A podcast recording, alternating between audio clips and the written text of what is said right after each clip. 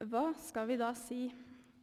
Skal vi fortsette å synde, så nåden kan bli enda større? Slett ikke. Hvordan kan vi som døde bort fra synden, fremdeles leve i den? Eller vet dere ikke at alle vi som ble døpt til Kristus Jesus, ble døpt til hans død? Vi ble begravet med ham da vi ble døpt med denne dåpen til døden. Og som Kristus ble reist opp fra de døde ved sin fars herlighet, skal også vi vandre i et nytt liv.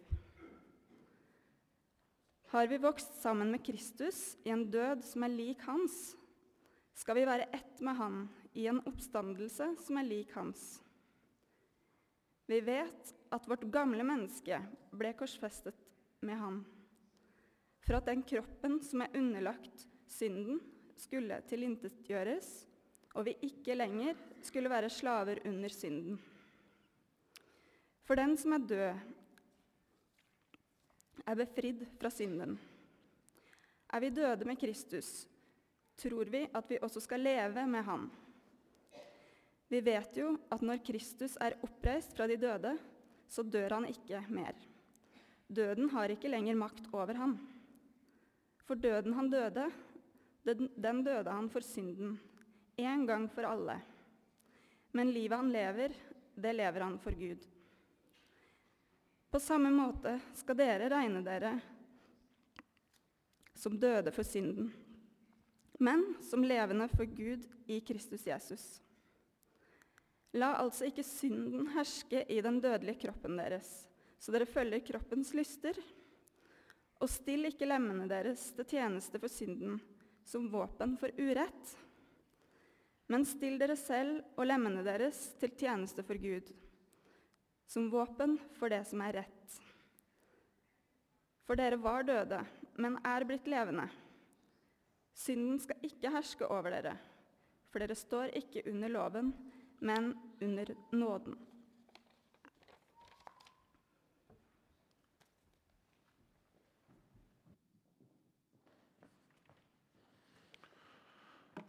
Temaet i dag er helliggjørelse.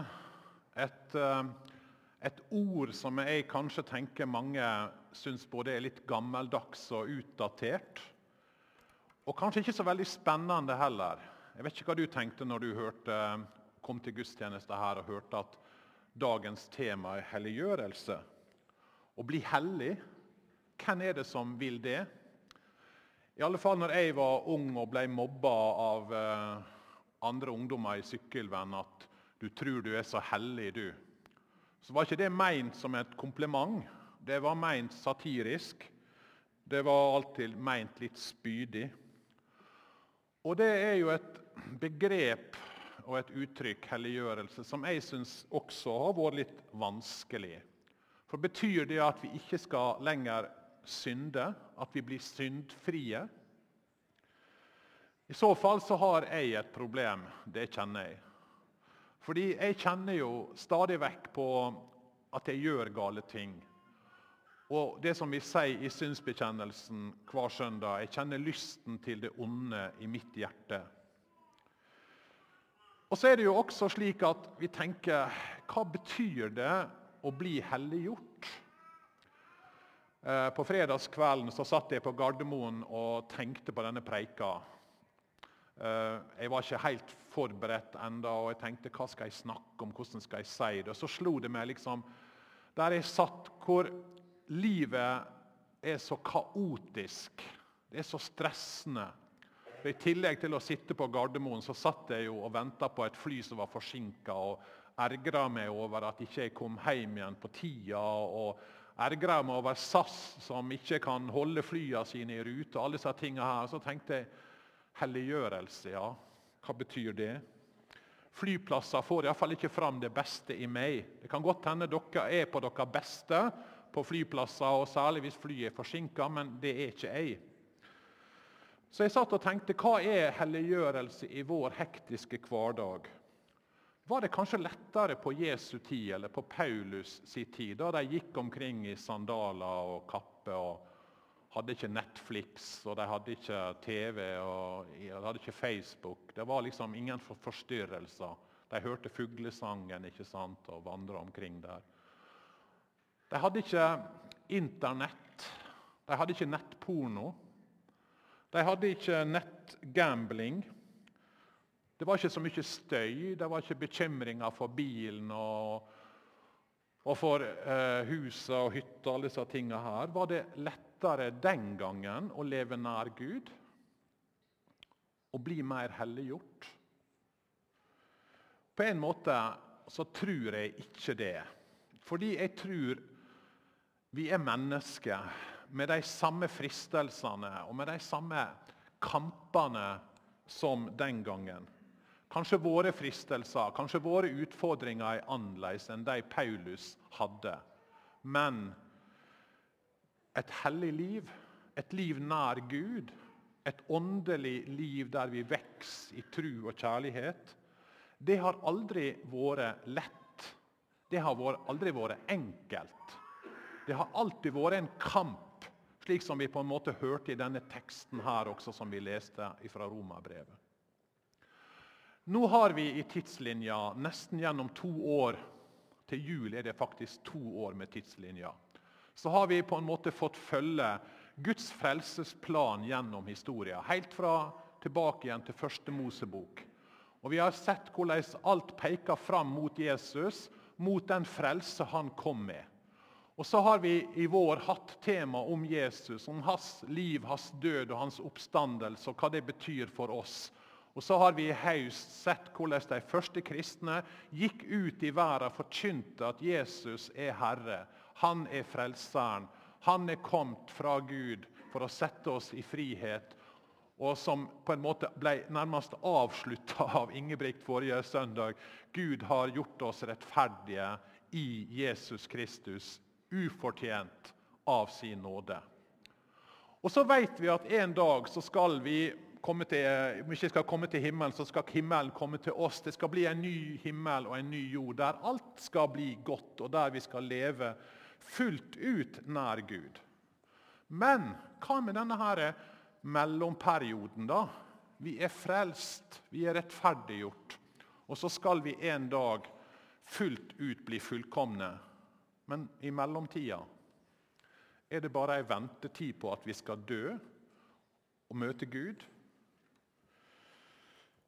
handler det om å holde ut dette livet, sånn at vi kommer oss fram til Guds evighet og får leve sammen med Han. Hva med det kristne livet her på jorda? Og Det er det vi skal snakke om de neste søndagene og i dag. Dette livet Vi er rettferdiggjort av tru, av nåde, av Guds ufortjente nåde. Men hva betyr det i våre liv? Hva betyr det i vår hverdag? Og så tenker du kanskje er ikke det nok da å være frelst? Holder ikke det? Trenger vi dette med helliggjørelse? Kan ikke det være for sånne spesielt interesserte, sånne som ønsker å bli pastorer og, eldste i frikirka? De bør jo liksom, de bør jo i hvert fall tenke litt på dette her. Mens vi andre vi trenger vel ikke det? Jeg spilte fotball når jeg var ikke så veldig gammel.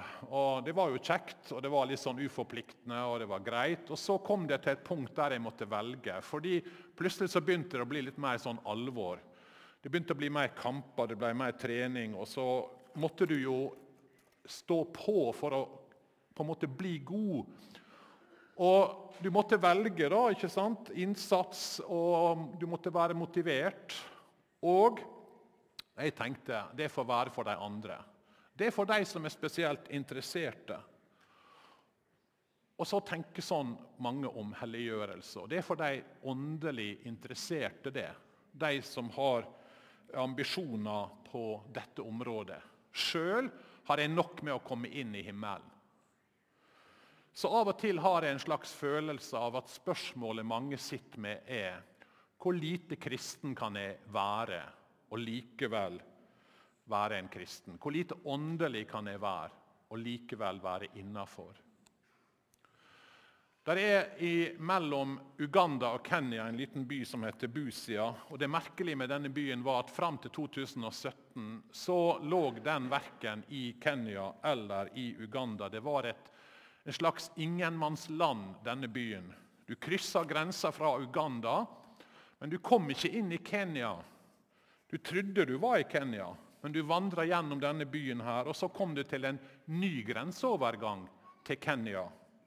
Og I dette grenselandet var det egentlig ingen lover som gjaldt. Ingen styring, ingen regjering. Og Likevel så bodde det masse mennesker der som levde sine liv der hele livet. Handla, fikk barn, jobba.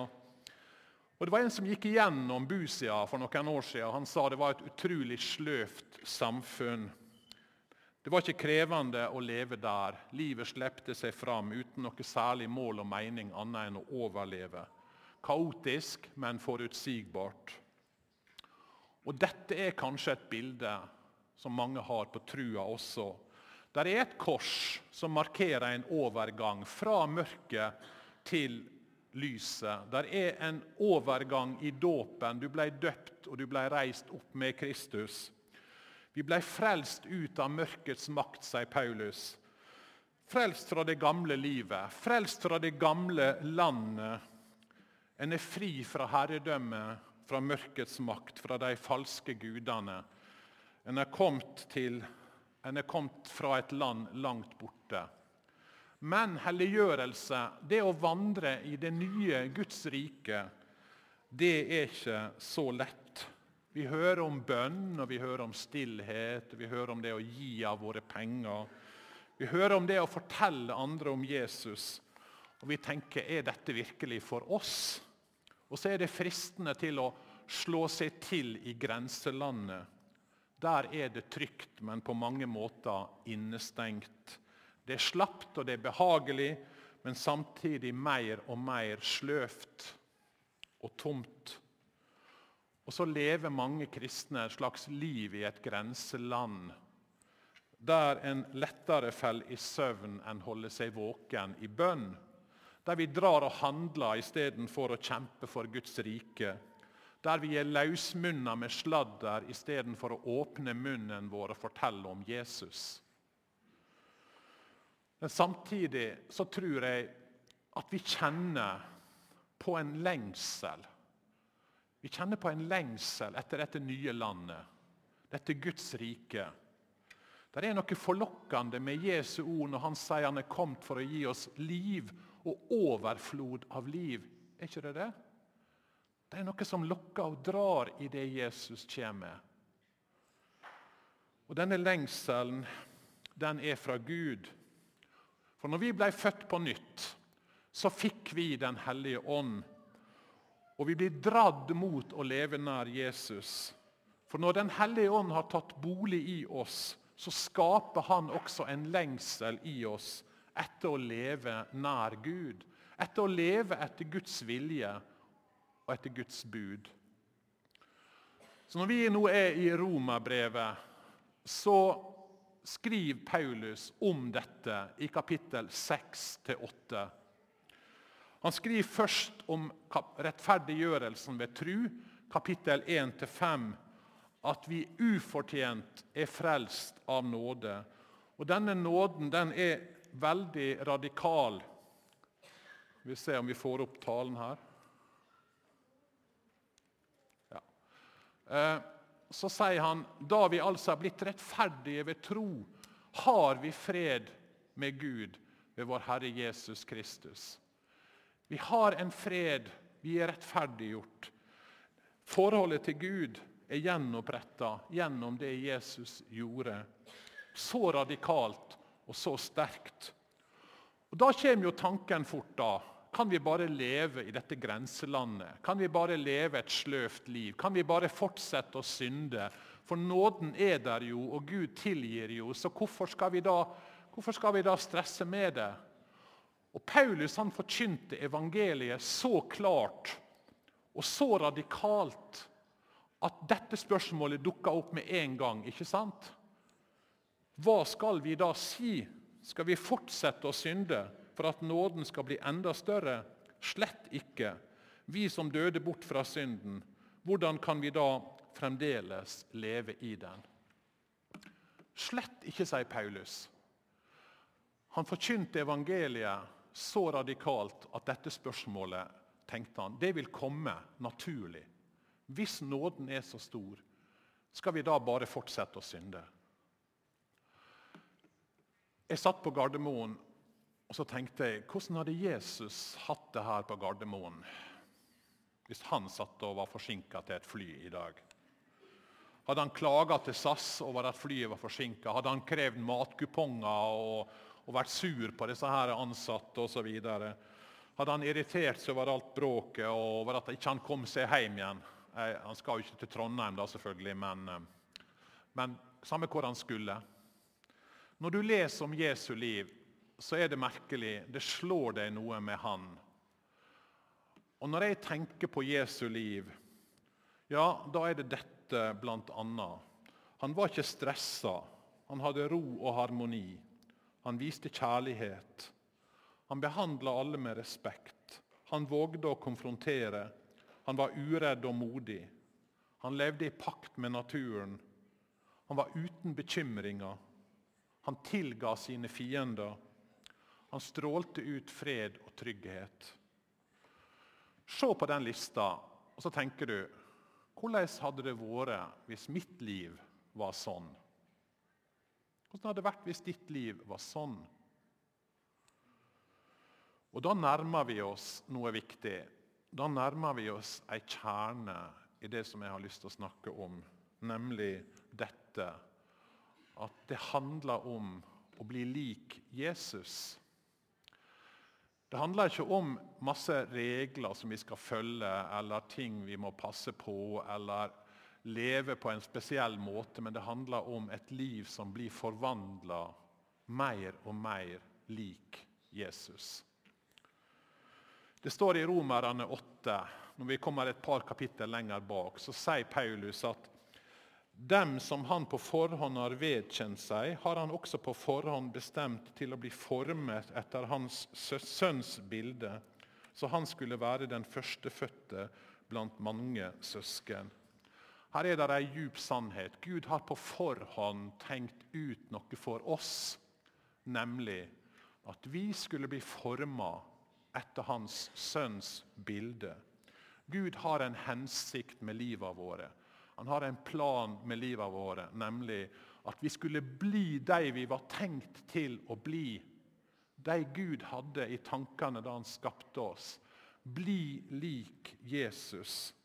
For Guds mål går langt utover det å gi oss en billett til en himmel en eller annen gang der framme. Han fridde oss ut fra mørkets makt, men mer enn det. Han satte oss over i sin elskede sønns rike. Så vi skulle få vandre i dette riket her og nå. Og han kunne få forme oss til å bli mer og mer forma etter Jesu bilde. Og når jeg tenker sånn om helliggjørelse, så blir det plutselig noe som blir utrolig attraktivt. Kan du tenke deg det? Utrolig attraktivt å bli forma mer og mer lik Jesus. Hva ville det ha sagt for mine bekymringer? Hva hadde det sagt for min stress, for min irritasjon, for mine høye skuldre, for mine ambisjoner, for min følelse av å ikke være sett, alle disse tingene her? Det hadde vært et liv som var helt forvandla. Hvordan gjør Gud dette, da? Jo, han gjør det i tre stadier, kan vi godt si. Han frelste oss Rettferdiggjørelse er noe som skjer utafor mennesket, ved at Gud erklærer den som tror, å være rettferdig. Og så helliggjør han oss. Det er der vi er nå. Gud ønsker å forme oss etter Jesu bilde, gjøre oss mer lik mennesker. Og Helliggjørelse er noe som skjer i et menneske som er rettferdiggjort. Det handler om det nye livet som Gud skaper. Hvordan vi skal handle og tenke for at vi skal bli forma lik Jesus. Og så det siste stadiet. Han skal en dag fullkommengjøre oss. Da skal vi slippe å drasse med alt dette her, med synder som henger så fast ved oss.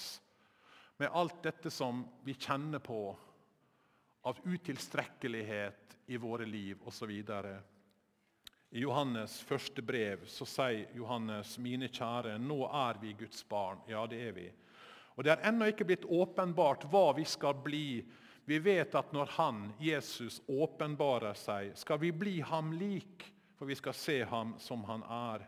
Enhver som har dette håp til han, renser seg, liksom Kristus er ren.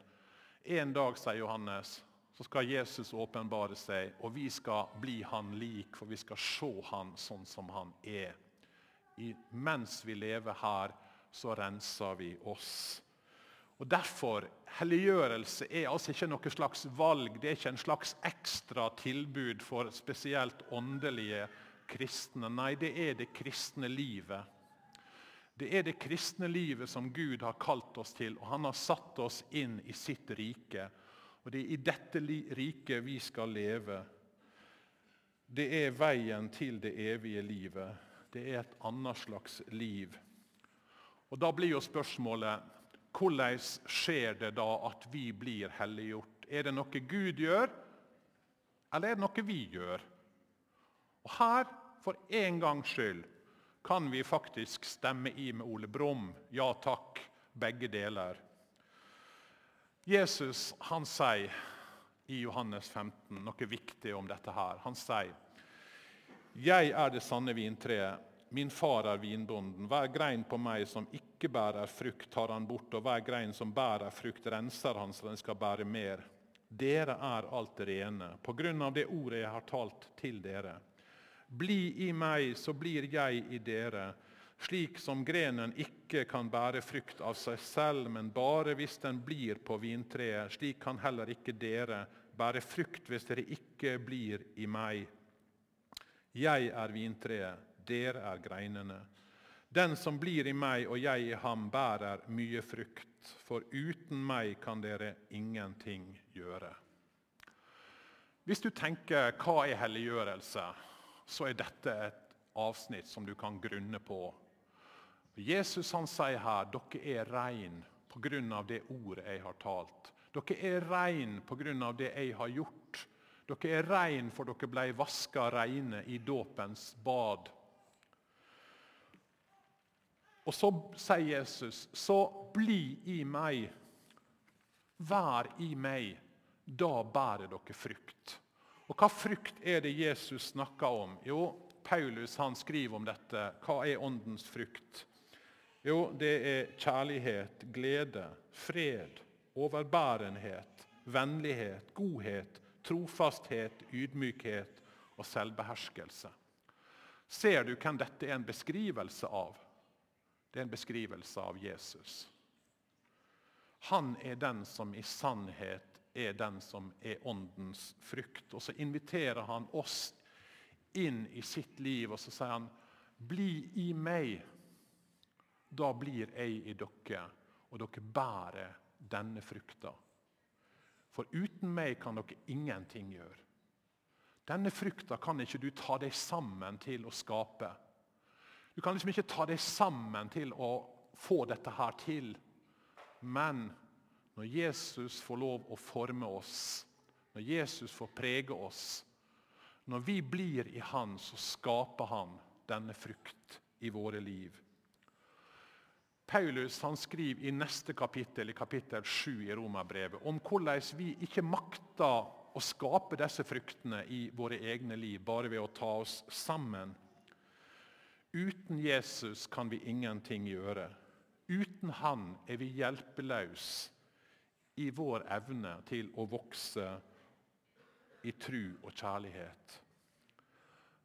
Men samtidig så er det altså vårt kall som Jesus kaller oss til, å bli i Han. Så hvordan kan dette skje?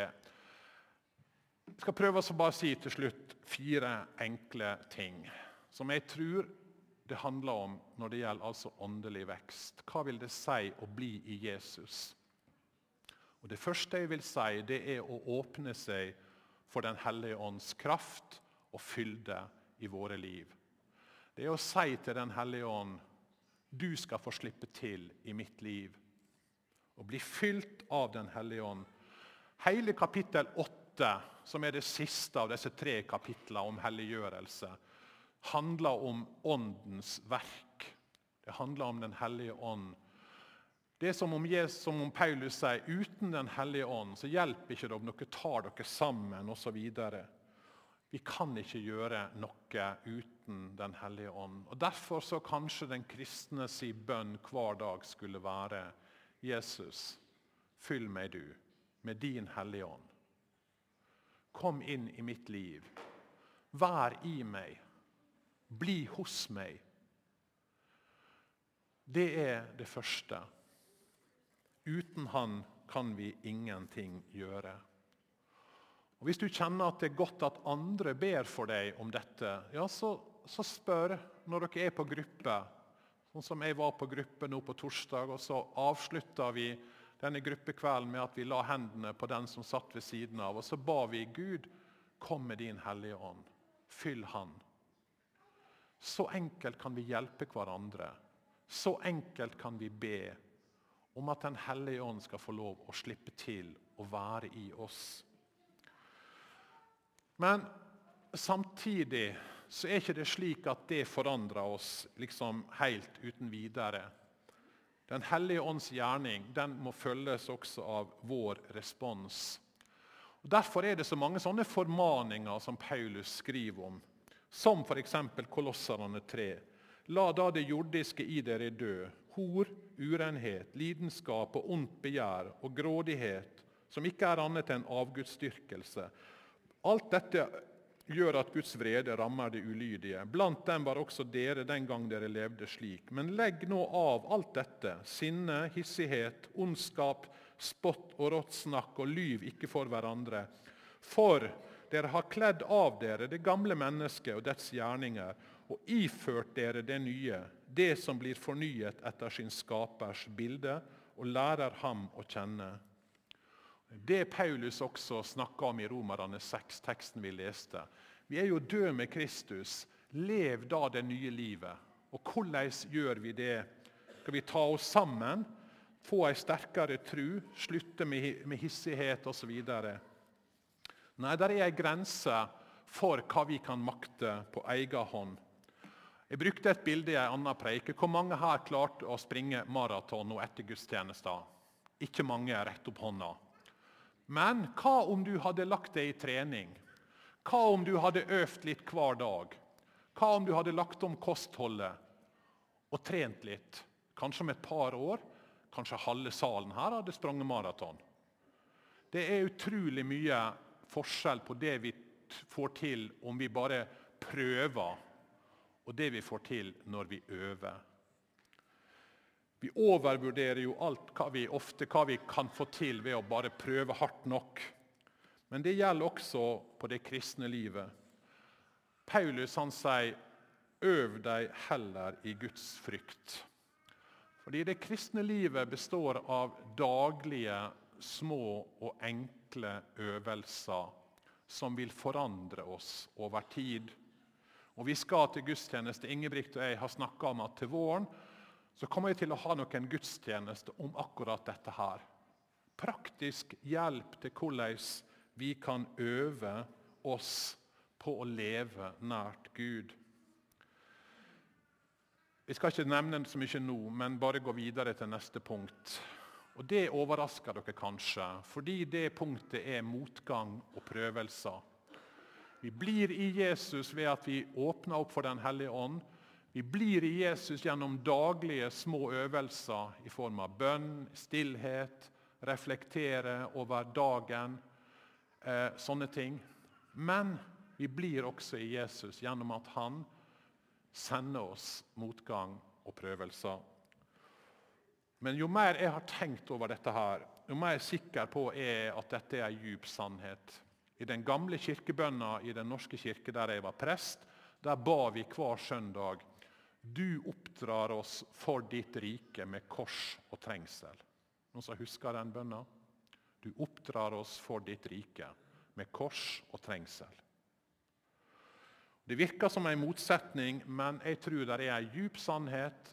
Og Jeg leste en undersøkelse fra USA der folk ble spurt hva hadde hatt mest betydning for deres åndelige vekst.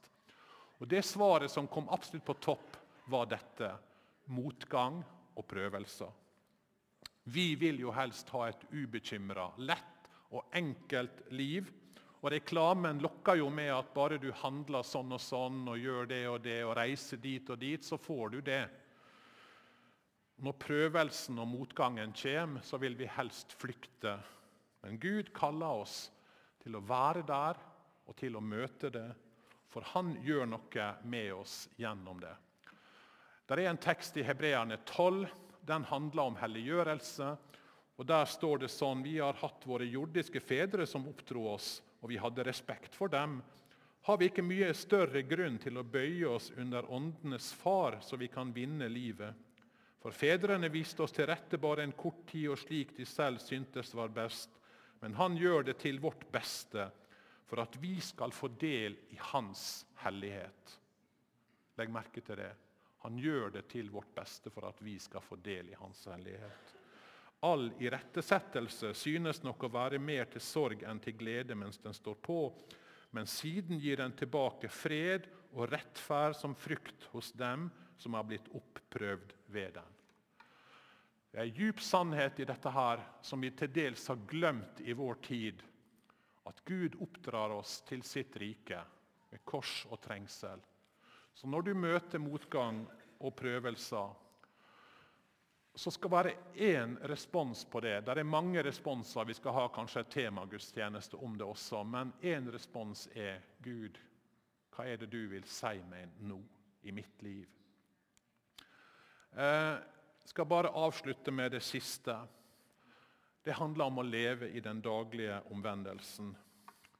Og Det er mye det som Paulus skriver om i Romerne 6, nemlig at det gamle mennesket skal dø, det nye mennesket skal leve.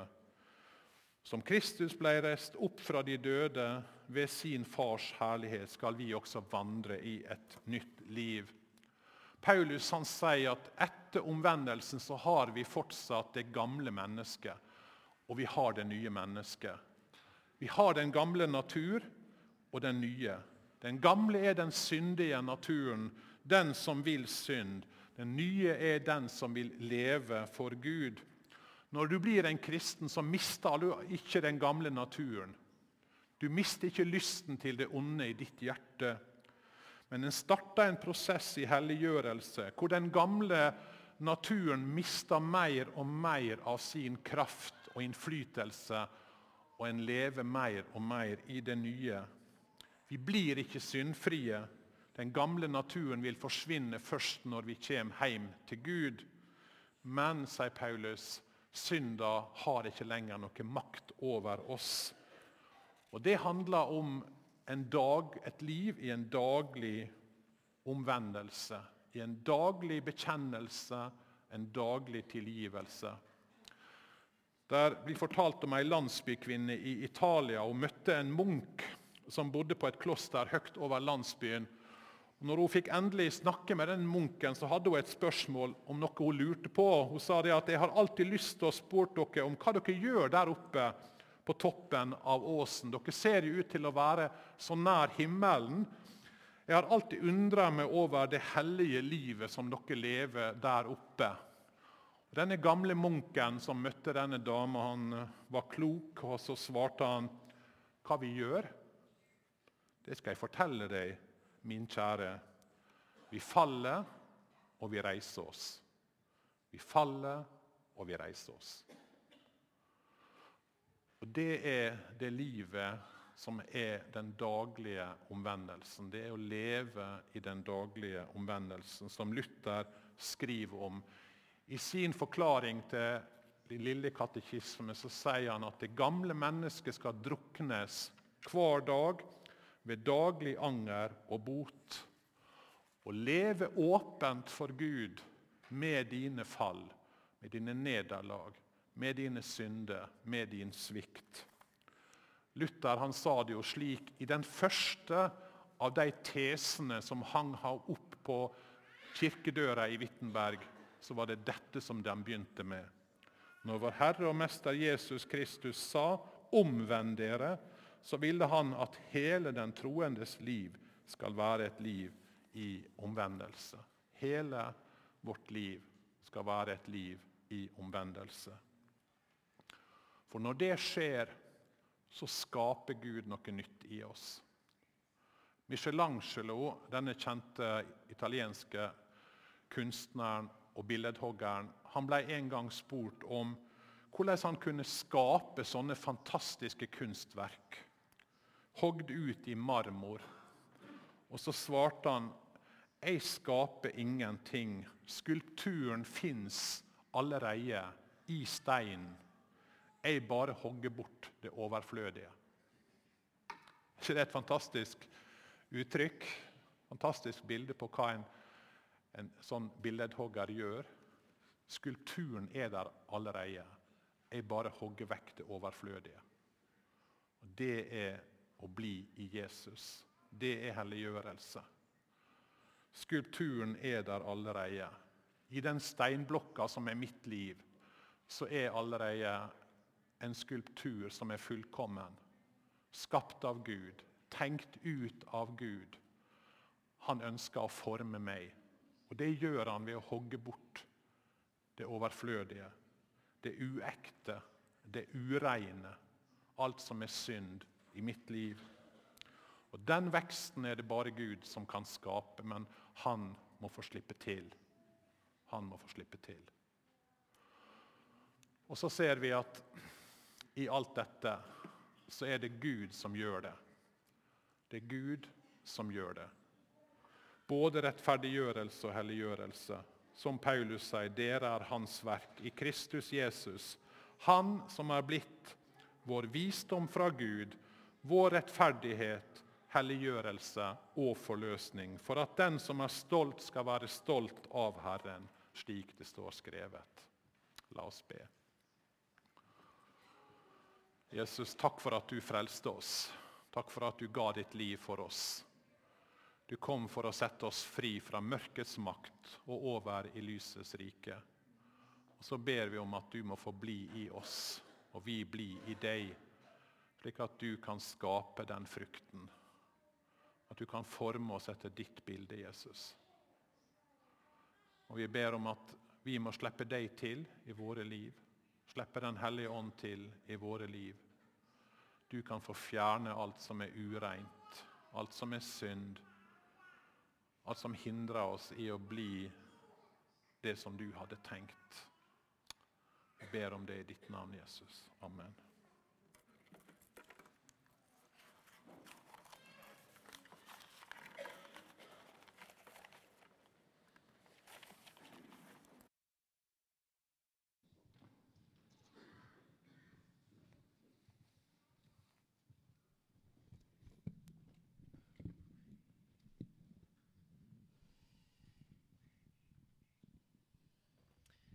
Vi